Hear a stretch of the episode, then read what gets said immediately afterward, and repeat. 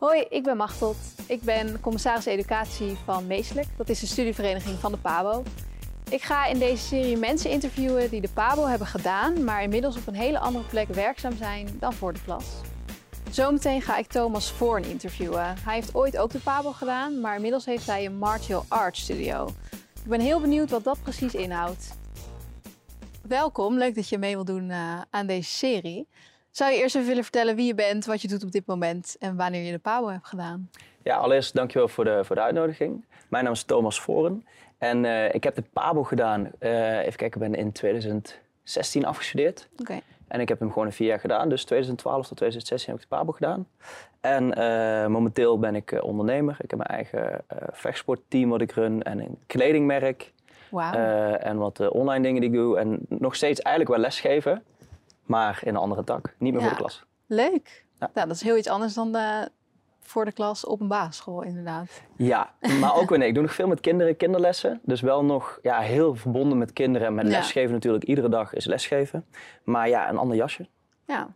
En hoe ben je dan zo hier terechtgekomen in dit werk vanuit de PABO? Ja, dat is goed. Ik, ik, ik heb de PABO gedaan en ook voor de klas gestaan met heel veel plezier en liefde. En daarnaast was ik altijd bezig met mijn passie eh, vechtsport. Maar eigenlijk nooit eh, gedacht of eh, actief bezig geweest met daar een, een living van kunnen maken of van kunnen leven. ja, dat was echt een hobby. Ja, het was een hobby. Het is ook een moeilijke branche en een niche om in te zitten. Ehm, want ik doe geen judo of kickboksen. Dus echt hele gangbare grote sport. Het is wat meer niche wat wij doen. Eh, maar wel altijd hoop gehad om daar iets mee te doen. En begon met een beetje workshops en wat lessen overnemen en een kinderlesje starten.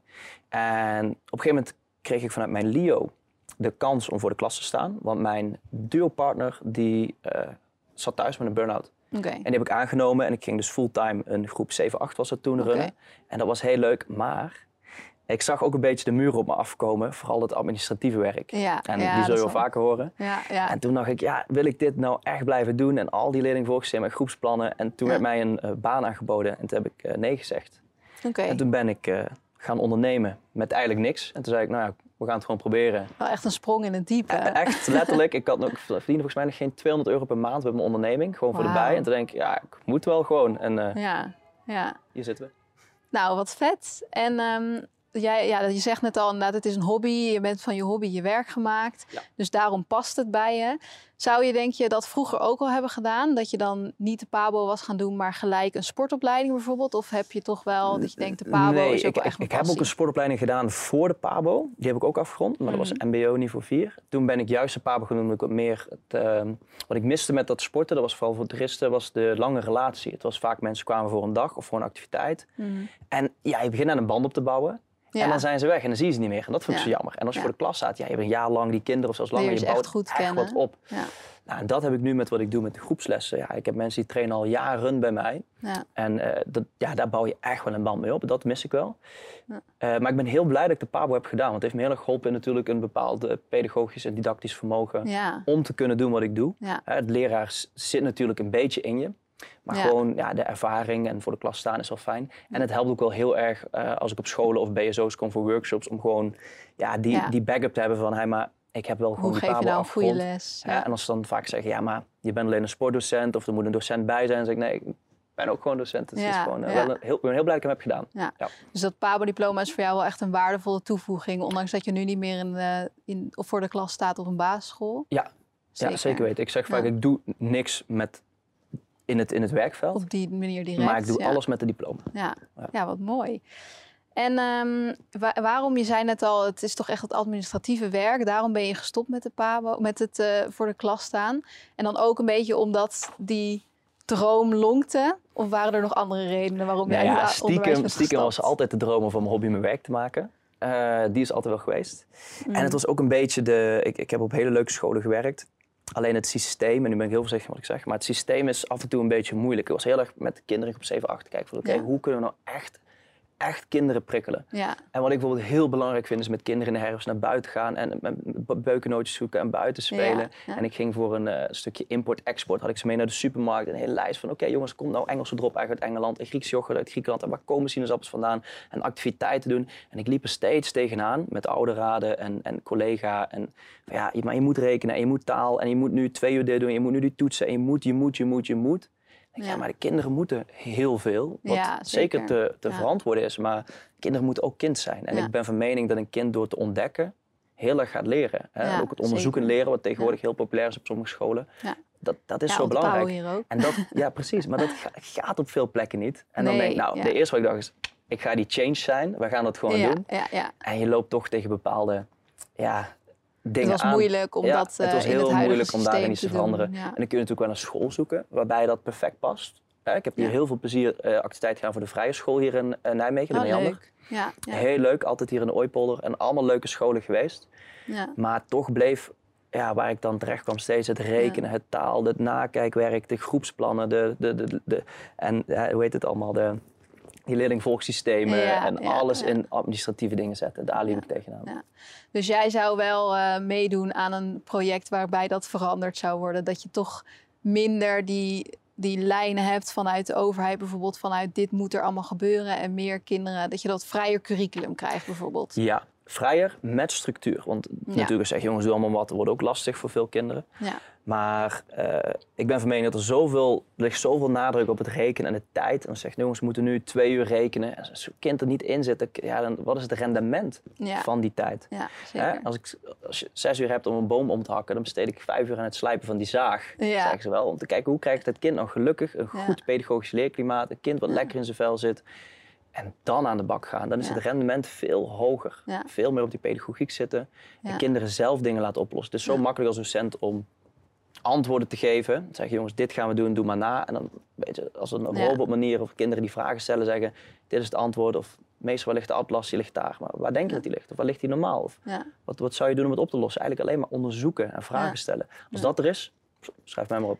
Dus je hebt wel ambitie om daar nog ehm, in verder te gaan? Of denk je, ik blijf toch eh, meer op de sport eh, gericht? Nee, voor nu focus ik alles op mijn bedrijf. Dat Ja. gaat leuk. We hebben nu net een kledinglijn die ook op eh, bol.com staat nu. Zijn leuke dingen bezig. En de, de lessen gaan ontzettend goed. Los van de huidige situatie natuurlijk. Ja. Maar we blijven lekker bezig. Maar ook dat, ik hou mijn opties wel open. Omdat ja, ook je lichaam stopt er op een gegeven moment ook een beetje mee. Ja. Als ik straks 40, 50 ben, sta ik dan nog eh, te kickboksen en MMA te doen Ja. en met mensen te gooien. Of dan moet het, de club zo goed lopen dat ik mensen heb die lesgeven namens mij. Of dan ga ik weer terug het onderwijs in. oké. Dus die optie blijft toch open? Zeker. Nou, mooi om te horen. Ehm, ja, je zei net al, ik vind de, de PABO natuurlijk wel een goede basis. Je hebt veel dingen vanuit de PABO meegenomen in je eigen werk. Kun je daar specifieke voorbeelden van noemen wat je van- op de PABO hebt geleerd, wat nu nog steeds heel waardevol is? Dat is een goede vraag. Wat ik denk dat eh, belangrijk is bij kinderen, of de omgang met kinderen, want uiteindelijk is dat wat we vooral doen, is echt te kijken naar het kind, het individu. Kijken, oké, wat heeft dit kind nou nodig? En we kijken heel vaak naar bijvoorbeeld gedrag of signaleren iets en trekken daar direct een conclusie uit. Oh, het zal wel zo zijn. Of Ja. oh, hij is uit het raam aan het kijken, hij zal zich wel vervelen. Nee, of hij vindt het... Nee, maar waar komt het nou vandaan? Is het nou te moeilijk? Is het te makkelijk? Wat is er aan de hand? En je ziet zo vaak die klas voor je Ja, als klas. Dan ga je nog kijken in die subgroepen hè, van je eh, instructiegevoelige groep, et cetera. mhm. Maar kijken naar het individu. En luisteren. En vooral het allermooiste van lesgeven vind ik vragen stellen. Ja. Want een bron van informatie en een monoloog. Ik bedoel, alle info ter wereld die is er al. We hebben, we hebben Ja. Google, we hebben alle info die er is. ja. Maar een kind aan het denken zetten. Oké, maar hoe zou je dat nou doen? En wat, jongens, wat zijn nou goede afspraken? En het leuke is als je kinderen zelf aan het denken zet. En dat oplossend vermogen en samenwerken. En dat, dat is, we leiden kinderen op voor banen die we helemaal niet kennen. Nee, en die manier van vragen ja. stellen en samenwerken, die vind ik hartstikke leuk. Ik heb mijn, mijn eindschrift voor de PABO gedaan op de intrinsieke motivatie van kinderen. Oké, En dat trek ik nu ook door naar mijn leden, mijn teamgenoten en de mensen voor, met en die voor mij werken. Hoe krijg ik nou iemand gemotiveerd? Ja, dat geldt natuurlijk ook voor volwassenen, dat je die intrinsiek moet motiveren. Helemaal. Hoe Ja. krijg, Ik heb stagiaires, ik heb heel veel stagiaires bij mij lopen. En dan zeg ik ook van ja, ik zeg niet dit moet jij doen. Want ik heb zelf vreselijke stages gehad vroeger, Ja. voordat ik de PABO deed. Maar wat wil je doen? Dit zijn de mogelijkheden. Hoe, ga je, hoe zou je dat aanpakken? En dan Ja, ontstijgt iemand heel vaak jouw verwachtingen. Als je ze ruimte geeft. En uiteindelijk sommige mensen wel wat structuur nodig.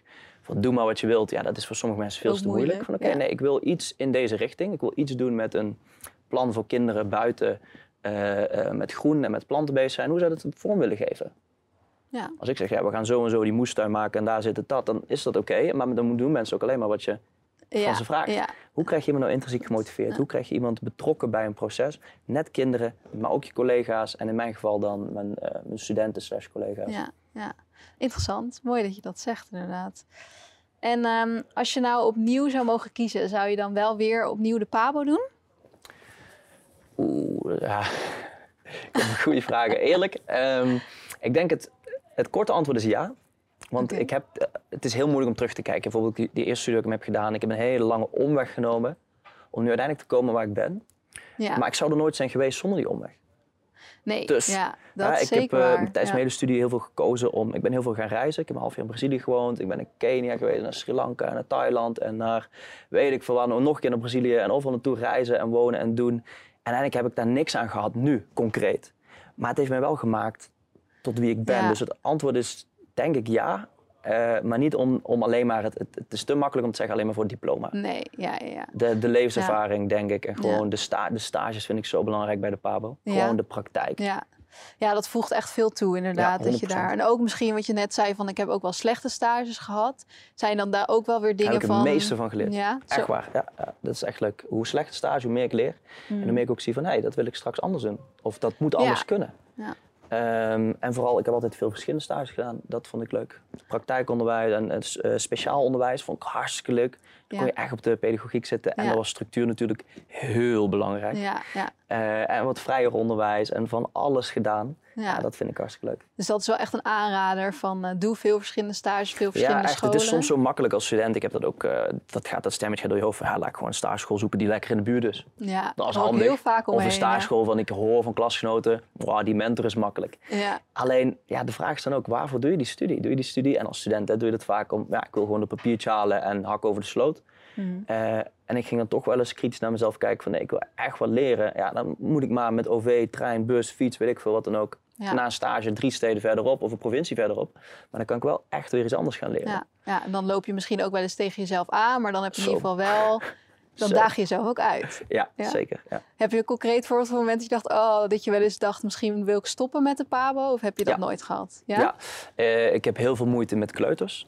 Dat vind ik heel moeilijk. Ik denk meer mannen en ik denk ook dat ze daardoor de onderbouwstage vaak voor groep 3 doen voor mannen. Ja. Uh, dat is wel heel generaliserend, dus ik voeg daar een kleine nuance aan toe. Het is voor een deel van de mannen, maar ook voor vrouwen is er natuurlijk een groot verschil tussen het jonge en het oude kind. Vandaar ook de specialisatie. Ja. Ik heb collega's gehad die moet je echt niet voor een groep 7, 8 zetten. Nee. En mensen zoals ik moet je echt niet voor een groep 1, 2 zetten. Nee, er zit een groot verschil tussen. Ik was kapot moe het eind van de dag. Ik kreeg niet geld. Echt shout-out en respect naar alle, alle kleuterdocenten. Echt respect. Ik dacht, echt, het is zo vermoeiend. Uh, maar je daar doorheen zetten uh, en kijken van oké, okay, dan weet ik ook wat ik absoluut niet wil. Ja, en hoe zeker. graag ik groep 6, 7, 8 wil doen. Of misschien zelfs middelbaar onderwijs. Of uh, ja. lekker bezig met aardrijkskunde, geschiedenis. En ja, met kinderen. Ik vond het, of met het jonge kind heel moeilijk. Ja. Met een paar stages daar wel echt tegenaan gelopen. En uh, iedere docent is anders, maar echt ja. heel anders. Ik zeg tegen mijn stagiaires ook, ik zeg we geven les, dit en dit is belangrijk. Hè? Veiligheid, samenwerking, discipline, een bepaalde sfeer en Mhm. technisch. En dat is voor de klas ook. Maar jij bent jouw docent. Ja. En ik had wel eens een mentor die wilde dat ik haar was. En echt een, een, een jufje en volgens een boekje en alles asseren. En mijn beste kwaliteit was improviseren en lekker doen en aan de bak. En een goed plan in mijn hoofd en structuur. Ja, en dat is hoe ik lesgeef. En jij geeft weer ander les. En als Ja. jij mij zo na willen doen, lukt niet. En ik jou ook niet. Ja. Dat is zo mooi aan verschillende docenten hebben in je leven ook. Dat je juist zo verschil- verschillende elementen krijgt. Ja. Ja, want dat spreekt verschillende kinderen natuurlijk ook aan, een verschillende docent. Dus eigenlijk wel heel belangrijk dat er ook veel diversiteit zal zijn binnen de PABO Exact. en de verschillende mensen. Dat vind ik nu nog wel eens dat je denkt, er zijn toch veel, misschien dezelfde, veel vrouwen en bijvoorbeeld ook weinig eh, mensen van kleur op de PABO. Dat zou best breder mogen, denk ik. Dat zou Ja, wel of een de laatste weet, weet ik niet, maar dat van veel vrouwen, dat is volgens mij veranderend de ja, afgelopen wel jaren. meer heb ik het idee. Eh, maar over het algemeen is het natuurlijk nog heel veel vrouwen. En dat is zonde, want eh, het is allebei heel belangrijk. Het Ja. ene is absoluut niet belangrijker dan het andere. Dat Nee. mag je me niet quoten, maar het is allebei belangrijk. En sommige kinderen, jongetjes, maar ook meisjes, gaan echt heel goed op een mannelijke docent hebben. Ja. En sommige echt heel op vrouwen. En daar vind ik zo mooi in basisschool dat je veel verschillende docenten zal moeten Ja, krijgen. En ik gun ook iedereen om een keer een meester te hebben. ja. Dat is ook leuk. En dat heeft weer voordelen. En een, een juf heeft weer voordelen. En het samen, ja, dat maakt het plaatje natuurlijk compleet. Ja, ja mooi. Ja, ehm, als laatste, of een van de laatste vragen heb ik nog. ehm, ik doe deze serie natuurlijk omdat veel mensen zeggen tegen mij: eh, er zijn weinig doorgroeimogelijkheden. Als je de PABO Mhm. doet, dan word je meester of juf voor de klas. En eh, dat doe je dan de rest van je leven. Hoe kijk je tegen dat statement aan? Zeg je dat is zo voor veel mensen? Of denk je dat, dat mensen dat zelf ma- ervan maken wat het is? Ja, eerlijk, ik bedoel, uh, Nederland is sowieso het land van alles kan. En of je nou de PABO hebt gedaan, bedoel, je hebt gewoon een HBO-diploma. Ja. En uh, op heel veel gebieden is dat al heel belangrijk. je hebt een bepaald denkvermogen, je hebt een bepaald samenwerksvermogen, een bepaalde manier van uh, bezig zijn. Tuurlijk moet je hier ook papiertjes hebben voor bepaalde banen. Dus het sluit ook heel veel dingen uit. Maar goed, dan moet je daar die opleiding voor doen. Uh, Maar ja, laat mij dan het voorbeeld zijn. Ik ben totaal iets anders gaan doen. Uiteindelijk, ik geef nog steeds een vormles, maar ik heb mijn eigen sportschool, eigen vechtsportteam. Ik doe optredens, uh, kledinglijn, YouTube-kanaal, een DVD uitgebracht. Ik doe van alles, alles wat niet met voor de klas staan te maken heeft. Ja. Ja, gaat hartstikke goed. Ja, uh, Maar het is niet zoals je voor de PABO nodig hebt. Ik had het ook kunnen doen als ik een HBO had gehad in social work of wat dan ook. Of iets anders. ja.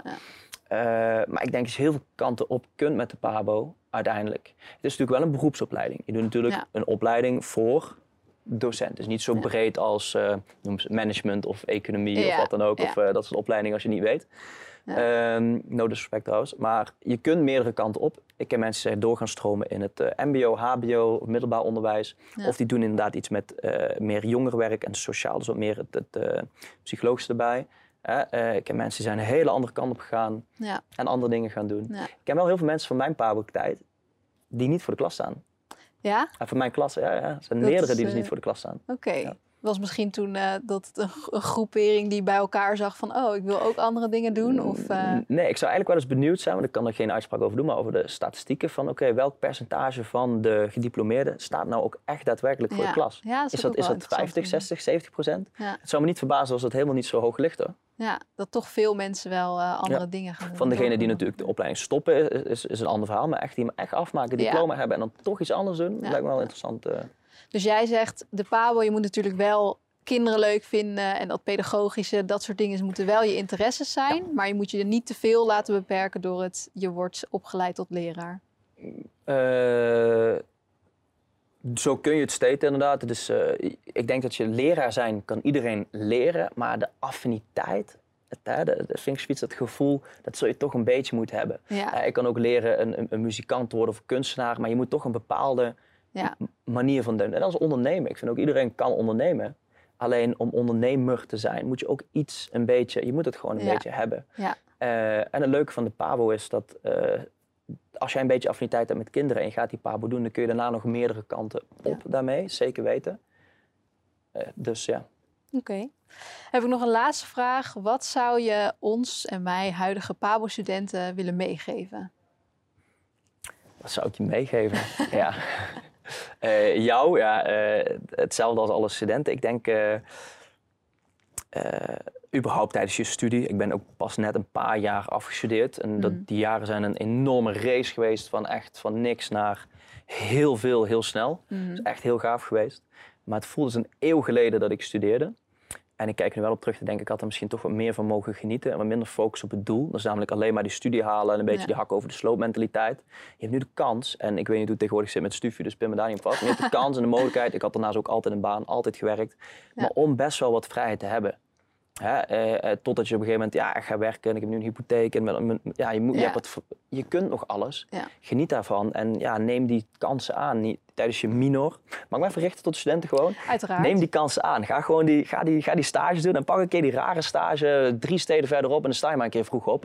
En probeer eens een keer iets anders in plaats van alleen maar, ja, kan niet lekker dichtbij op school, waar ik vroeger zelf op de basisschool heb gezeten. Dat ken ik iedereen. Hop, stage afgevinkt. Ik heb die acht al in de pocket.